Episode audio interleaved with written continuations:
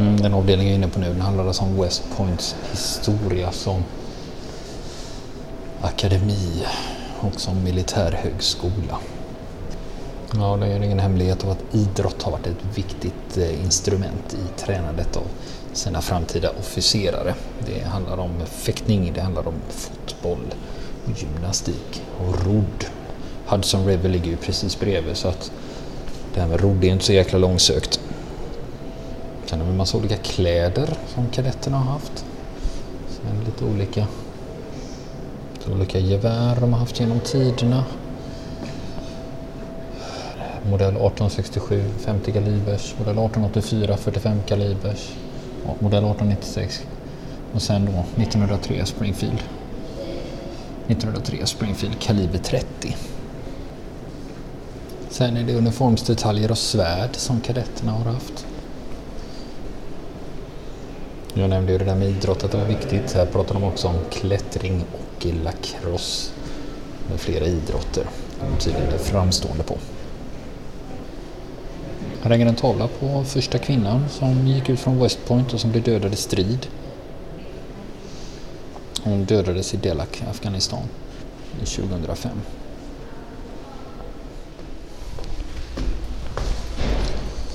Vi går upp en våning. Då kommer vi till något som heter US Army Gallery. Ska vi nog se vad det är då.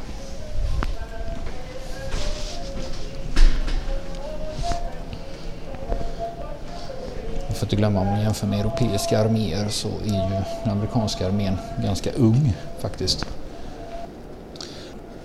Här har vi montrar som skildrar lite olika konflikter.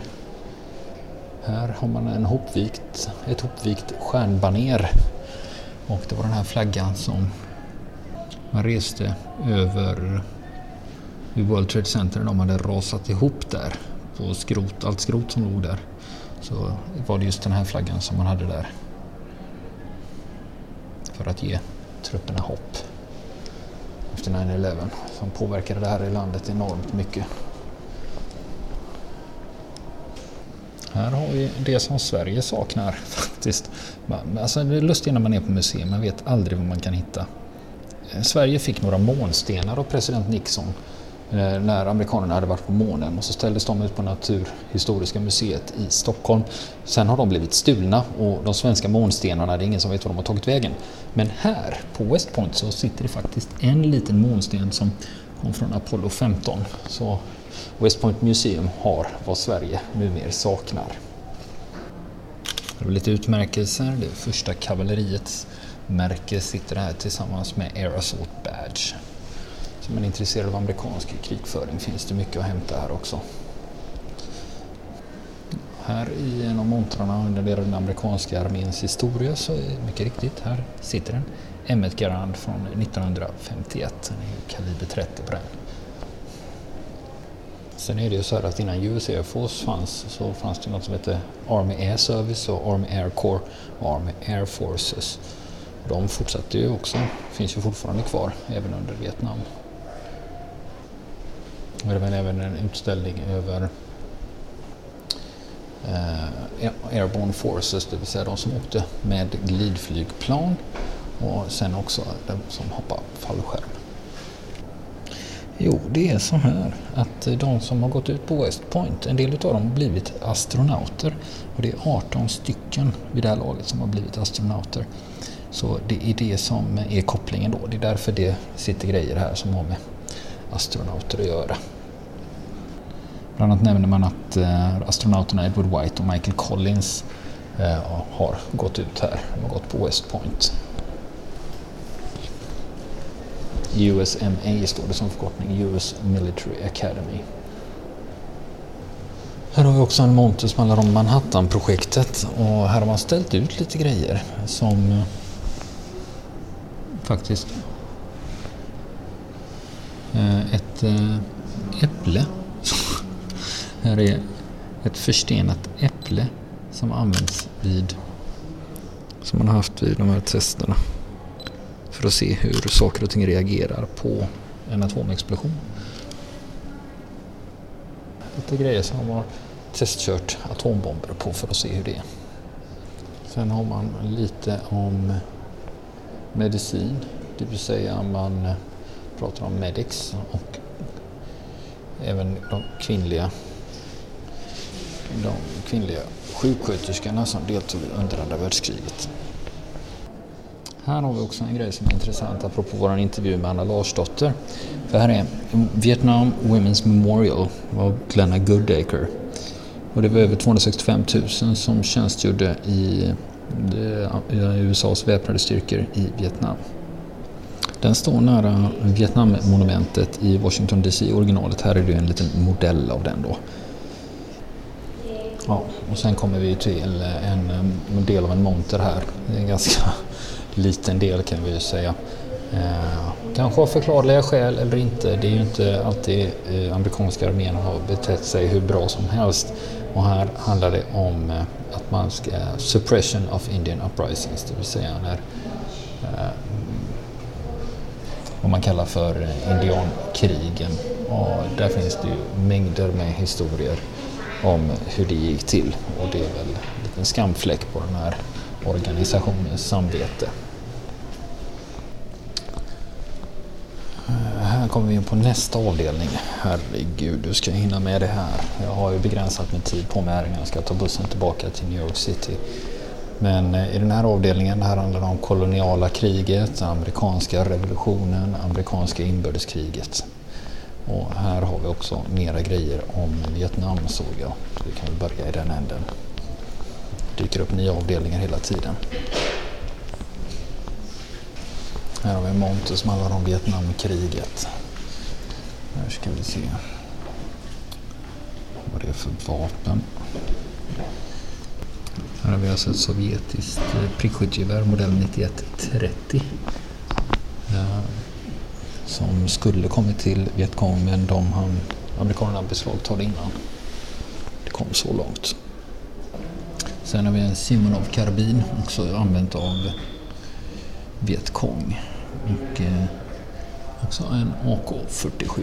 Det här är alltså en riktig sovjetisk AK47 och den här var gjord i 1954. Här har vi också exempel på olika typer av mineringar som Vietcong, Vietcong använder sig av. Nu har vi och här har vi en riktig M79 som vi har pratat om i The Phantom Blooper. Ni som minns våra avsnitt om Björn Dahlin, här är ett eh, prickskyttegevär. Ska vi se vilka det är som har använt den där i första kavalleriet. Det är en XM21 kallas den. Det är alltså en M14 som är anpassad för prickskytte istället.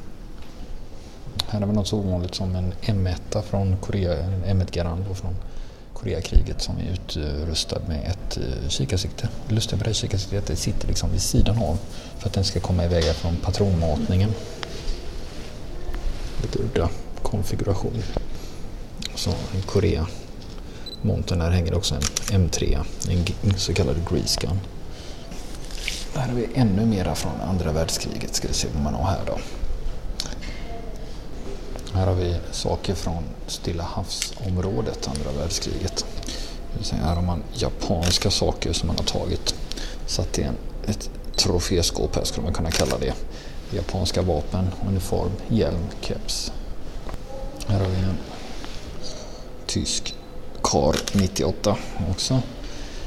Och en tysk k MP35 heter den. Eh, trästock och magasin som går in från höga sidan och som sticker rakt ut ungefär som på en stäm. Och här är general Dwight Eisenhowers personliga pistol. Så det är mängder med grejer. Det är som att de, kan, de ställer ut allting. Här har vi också från en amerikansk jacka från första divisionen, det vill säga Big Red One. Och här har vi eh, en Waffen SS uniform och en Waffen SS hjälm också. SS-hjälmen har en svastika på ena och SS på andra. SS-blixtarna. Sen har vi också Afrikakåren, deras tropikhjälmar. Ett exemplar av dem sitter i en monter här på West Point. Ska vi se, sen har vi mer grejer från första världskriget. Så det vi grejer från eh, spanska kriget, Spanish American War. Det skedde 1898. Sen har vi en torped från sydstaterna. Nu är vi inne på en avdelning som handlar om inbördeskriget. Och här finns det ju en hel del att titta på. Både gamla vapen och gamla uniformer. Både från nord och syd. Även sablar och grejer. Revolvrar. Olika typer av gevär och uniformer. Här har vi listor också på alla som har fått eh, Medal of Honor. Här har vi en lista på vilka som har gått ut eh, West Point och som har fått Medal of Honor och det är ju den högsta utmärkelsen man kan få. Det uppmärksammades för ett tag sedan. Det var en person, en man nere i Florida som gick omkring med sin Medal of Honor. Som den hade han köpt av hans det blev ett jävla liv. Så, eh, det här är det på allvar på ett sätt som det inte är någon annanstans. Här har de ställt upp en skyltdocka, tagit på någon kläder. Det här är ju, visar ju då en, en soldat med en M16A1 i 12 infanteriet. Lätt infanteri. De kunde vara beväpnade och klädda i Vietnam. så får jag betrakta mig själv som färdig. Det är det beroende på vilka konflikter man är intresserad av så finns det ju alltid någonting att titta på.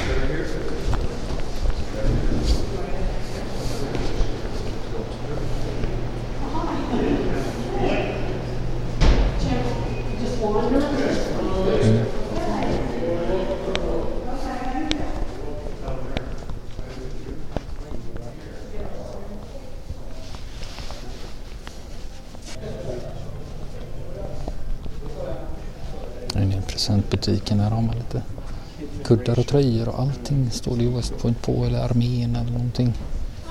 Det är väl klart.